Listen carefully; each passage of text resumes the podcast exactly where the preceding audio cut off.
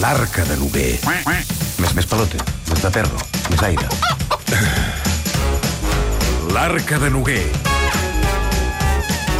Pep Noguer, bon dia, bona hora. Molt bon dia, què tal? Benvingut, Pep, com estàs? Sí, et veig, et veig bé, eh? Fa dies que no ens veiem cara a cara tu i jo, eh? Sí, sí, Sempre no. entrant des d'allà dalt, Sí, clar, home, sí està molt bé, eh? avui però... a Barcelona. Uh, D'aquí 15 dies la gent et pot veure les cares a Calonja, perquè tu també seràs a Calonja. Calonja. Castell de Calonja, eh? Castell de... Espera que m'ho apunti. 10 de desembre, Castell de Calonja, 10. amb el Pep Noguer, catradio.cat barra el suplement, gira dels 35 anys. Allà us inscriviu al Castell de Calonja. Demà serem al Teatre Fortuny de Reus. Si encara voleu venir, suplement arroba catradio.cat.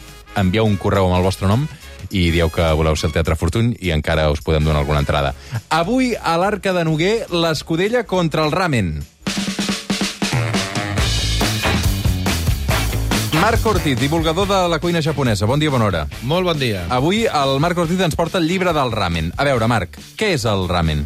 El ramen és un plat de... que és d'origen xinès, que entre... arriba a Japó a finals del segle XIX, per a Japó fins a... va estar dos o tres eh, segles tancat, el que es coneix com el sakoku, eh, i no deixaven entrar-hi estrangers. Llavors arriba a finals del segle XIX eh, un senyor americà que es deia Comodoro Perry, i els hi obliga a obrir el país. Llavors es comencen a establir restaurants eh, xinesos per proximitat en els ports de Japó i porten el que es coneix com el lamian, que significa fideus estirats a mà. Uh, I això és l'entrada del ramen a Japó. Què porta el ramen? El ramen. El ramen porta... Uh, es construeix per capes. El primer que es posa en un bol és una salsa que actua de saboritzant, de potenciador de sabor, i a més aporta la, sal la salinitat. Llavors això és una salsa que es pot fer uh, principalment en base de sal, en base de pasta de miso o en base de salsa de soja. A sobre porta un brou, val? Eh, que s'assemblaria molt als nostres brous, que, que es pot fer a partir de, de carn de pollastre, es pot fer eh, amb ossos de porc, eh, i la particularitat japonesa que també eh, molts cops hi afegeixen peixos pel fet de que també ells fins, a, eh, fins al segle XIX el, el tema de la carn no, no, no l'aprovaven.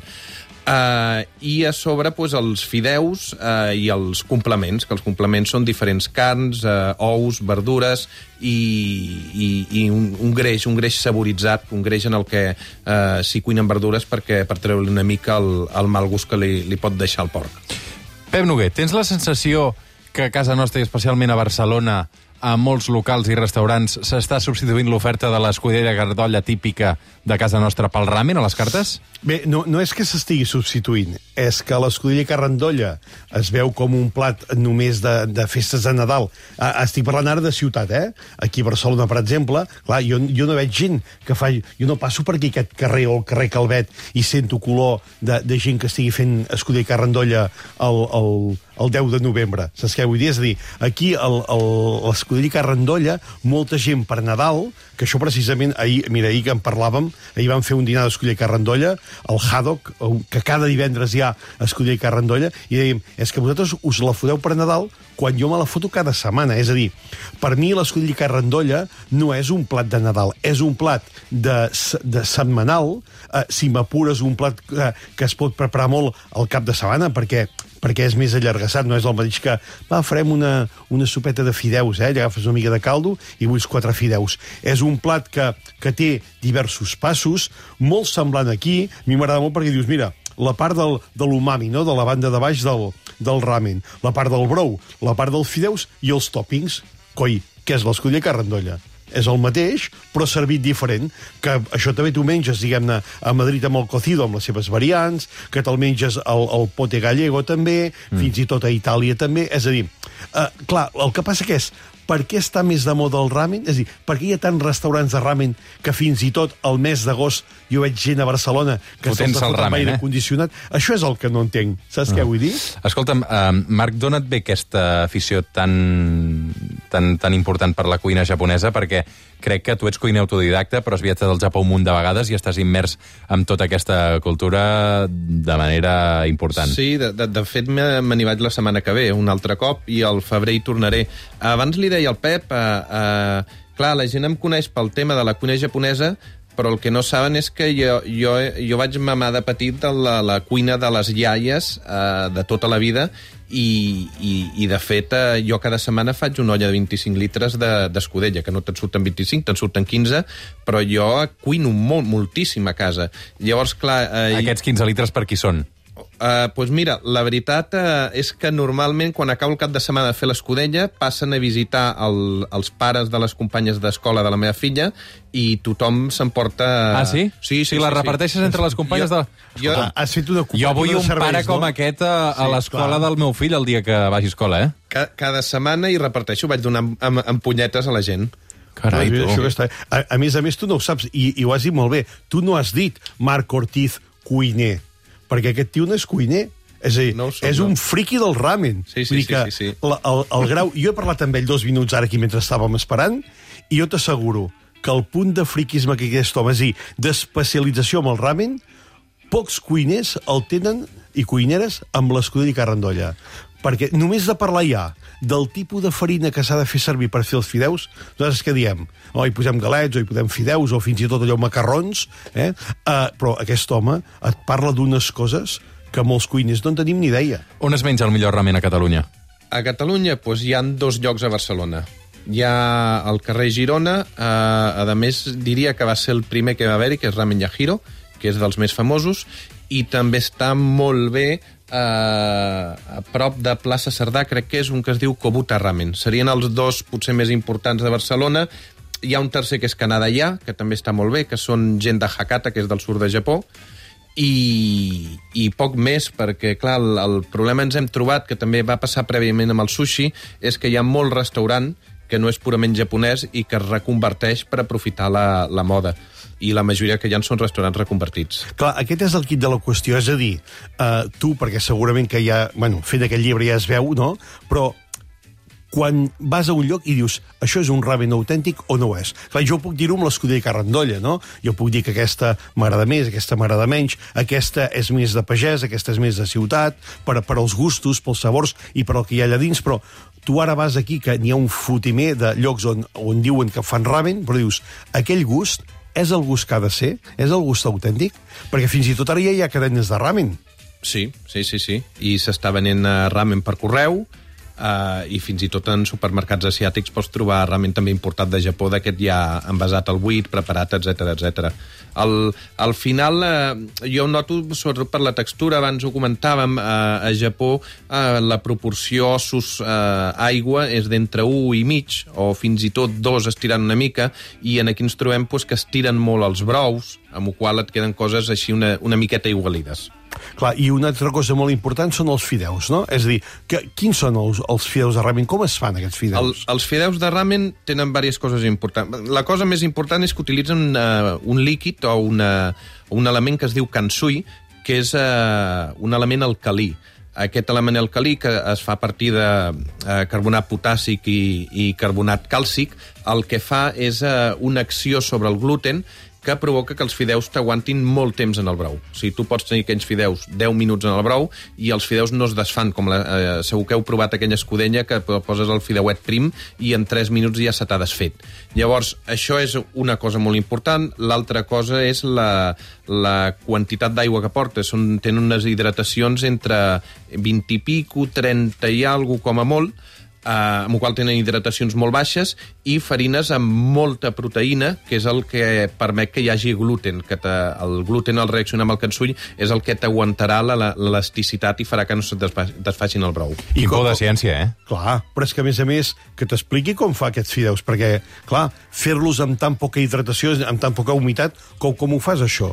Pues, pues mira, a Japó la, la costum, o com es feia abans, de que hi haguessin tota la, la maquinària que ara t'ho fa automàtic, a, aquesta massa s'amassava amb els peus.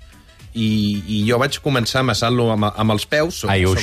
sobre- amb els peus, però dins d'una bossa. Ah. Dins d'una bossa, Ah. una bossa de plàstic gruixut. Ah, posava Home, un- explica-ho uns- tot, perquè és que si no, així de... Es posava uns guants als peus. Bueno, Ah, com, com es feia el vi, com es tre... el raïm es Sí, sí, trepitjava però i amb bueno, mira, això ja ho dones per...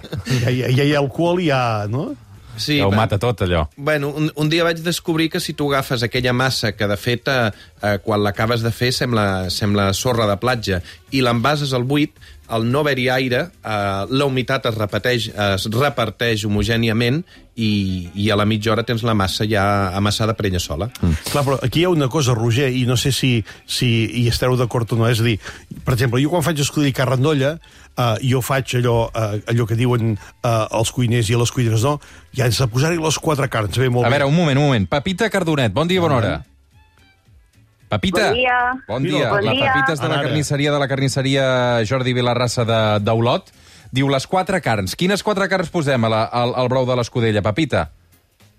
Mira, nosaltres aconsellem a tothom que posi ossos d'espinada salats, una mica confitats, que són, donen més gust. Mm. Després un os de pernil, Mm. uh, morro i orella, a gust de tothom, Mm. uh, un peu salat, i després en Jordi també aconsella molt que, que la gent hi posi un tall de costelló, i dona Ah. molt de gust. I botifarra negra? Home, També, també. I la pilota. Un bon tall I de pilota, botifarra no? negra i la pilota del caldo, exacte. Ah, exacte, exacte. I una cosa que, que posem molt, eh, perquè dona molt de gust, és el, eh, la bola de sagí. Aleluia. Un tall de sagí. Ah. Clar, clar, és que, a veure, ja, Un tall de sagí. Roger, mira, pensa que aquí la Pepita només ha parlat d'una de les carns, que és el porc. Però fixa't, eh, peus de porc, morro i orelles salats, que s'han de deixar de salar unes quantes hores amb aigua, però allò ja et dona una potència. Aquí ja tenim el nostre umami català, saps? La botifarra negra, un altre umami. El costelló, també. I el sagí, aquest punt de greix, que això sí que no ho tenen els japonesos, eh, Marc? No, no, no, però sí que tenen una altra part del porc que, que a més eh, us sorprendrà, que són calaveres. Calaveres. Sí, sí, la, la calavera sencera del porc, bunyida amb la resta d'ingredients a 12, 16, 20 hores. O sigui, al cap. Al cap, al I cap foten el cap sencer. I foten el cap sencer. Tot sencer. Tot sencer. O sigui, al final no deixa de ser l'orella, el morro, no? Sí, sí, sí, sí. Bueno, però això, això, a Pepita, vosaltres que foteu la, la botifarra de perol, el cap del porc també va a dins de la, la parola, no? Exacte, exacte, sí, sí. Veus? Fa la parola, llavors es tria l'escar, la galta, el morro, eh, i la, el morro, l'orella, tota, la, tota la carn al cap i es trinxa per fer botifarra de perol. I, per exemple, aquí dèiem que a Barcelona només es prepara l'escudella carndolla quan s'acosta a Nadal. Vosaltres, eh, eh, és amb l'arribada del fred, és amb tot l'any, o realment quan arriben les festes hi ha un pic de feina? No, nosaltres, quan arriba el fred, un cop a la setmana, més o menys, eh, tothom en fa. No, potser no és tan contundent, potser la gent hi posa gallina pel caldo, ho fa més per festes, però normalment aquí la gent que està acostumada a fer un cop a la setmana una bona escudella. Ah, veus? A més a més va molt bé perquè tu, per exemple, el divendres tu fas l'escudella carrandolla, fas una part, diguem-ne, eh, la part de, del brou i la part, diguem, no, no cous ni la pasta ni les verdures. A mi m'agrada molt això. O sigui, tu cous totes les carns amb gallina, el porc, eh, tots els que ens diu la Pepita, la part del porc, la part de, del, del, del xai, molt poquet, brasó o coll de xai, la venya de coll, i després també la part de la vedella. Fas el bon brou, separes les carns per, per allò, per mi. és- A mi m'agrada molt, a Pepita, posar-hi la galta. Tu, tu saps això que jo t'agafo moltes galtes, perquè la galta és aquella barreja, Sí. la galta amb la llenga, que ja, ja fas el caldo i la carndolla i aprofites també i ja fas la carn de perol. Eh? Sí, que això és... No, aquí s'aprofita tot. Home, clar que sí. I de verdures, Noguer, què hi poses? A veure, perquè aquí només hi ha carn, però de verdura Clar, també. No, aviam, eh, el brou el fas amb verdura, però aquella verdura jo no és la que em menjo. Per què? Perquè està, està molt desfeta. Eh, Llavors, jo col·loco els caldos, els deixo refredar, les carns també les guardo, i l'endemà coc la patata, la pastanaga, El nap. el, el nap eh, i la col. Eh? I aquestes també, llavors les guardes. I després, i després, que abans de fer això ja has tret tot aquell greix que hi ha al damunt, eh, llavors ja fas la pam, l'escudella, podríem dir, fes-la amb galets, fes-la amb arròs i fideus, fes-la amb, fins i tot amb macarrons, que hi ha molta gent que, que, que, que diu macarrons, doncs sí, tradicionalment a Catalunya hi havia la sopa de macarrons. Eh? Evidentment també abans ja hem fet la pilota i a l'últim moment del, del caldo la botifarra, allò, pam, eh, posada. Clar, ja tenim el, el nostre umami, això. I si això ho fas, diguem-ne, amb tranquil·litat i bons aliments el divendres, el dissabte, un dia com avui, et fots una escudella carrandolla que, bueno... Eh? Pepita, moltes gràcies. Una abraçada també cap a la carnisseria Jordi Vilarrassa d'Olot. Una abraçada. Mol, moltes gràcies, igualment. Així que, Marta Ortiz, ara cap, a, cap al Japó, eh, què faràs en aquest viatge? Pues mira, aquest, eh, eh, tinc planejats tres viatges que són una ruta per tot Japó provant ramen per tot arreu. Llavors, eh, aquest primer serà la zona de Kyoto i Osaka i una zona molt maca que es diu Kumano Kodo. Kumano Kodo és, un, és l'equivalent japonès al nostre Camino de Santiago. De Perquè, de, clar, nosaltres diem escollir carrandolla, sembla que només n'hi hagi una, tot i que hi ha moltes variants, però de tipus de ramen, quants n'hi ha? Doncs mira, en el, en el llibre em poso uns 32-33 diferents, uh -huh. però n'han arribat a comptabilitzar 200, 200 i pico. El que passa és que al final la, la, les combinacions que tens quan tens tre, eh, dos, tres tipus de carn, peixos i salses mm, estan limitades. Amb igual, mo, moltes eh, varietats regionals són molt similars. I el peix s'hi posa, diguem, de, en, en format sec, és a dir, per exemple, com les, com les escates aquelles de Ah, tonyina i tot això? Sí, el, el peix eh, són peixos en format sec. Hi ha, per una banda, les sardines seques, que es diuen eh, niboshi. Eh, són sardines simplement eh, eh, bullides i després assecades.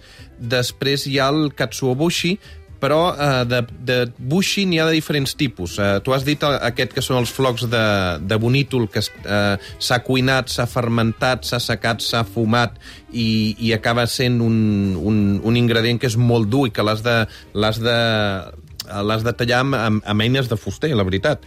I hi ha diferents tipus. N'hi ha, de, hi ha el sababushi, que és un altre tipus de peix, hi ha sodabushi, o sigui, són tots aquests peixos i, i algues. El llibre del ramen del Marc Ortiz, eh, crec que és Satori l'editorial, ho dic per si algú la, la, la, vol, la, el vol buscar, eh, que això Xulo, és només eh? un Xulo tastet. aquest llibre, sí, sí, sí, sí, aquí hi ha una feinada de por. Jo, jo lo, lo que hem de quedar... Una, tenim un espai per fer una pregunta només? Digues, va. No, és a dir, uh, demà a quina hora hem de venir a buscar l'escollir carrandolla en Roger i jo? Hosti, a mi m'aniria molt bé, eh? Podeu venir a l'hora que vulgueu. De, de fet, eh, el Pep em cau a prop, i jo sóc de Balanyà, amb Ah. el qual estem ben a prop. Mira, si vols t'emporto. Uh, Marc, et tornem a convidar aviat. Moltes gràcies, una abraçada. Moltes gràcies a vosaltres. Noguer, a fer pedagogia de l'escudella Cardolla, que tenim feina, eh? Sí, sí, que ho ens estan ja, guanyant ja ho terreny, veuràs, eh, ja. Eh, tu mira la que he posat a Instagram aquesta setmana, ahir, ja ho veuràs tu. Fantàstic. Gràcies, Pep. Apa. Ara tornem.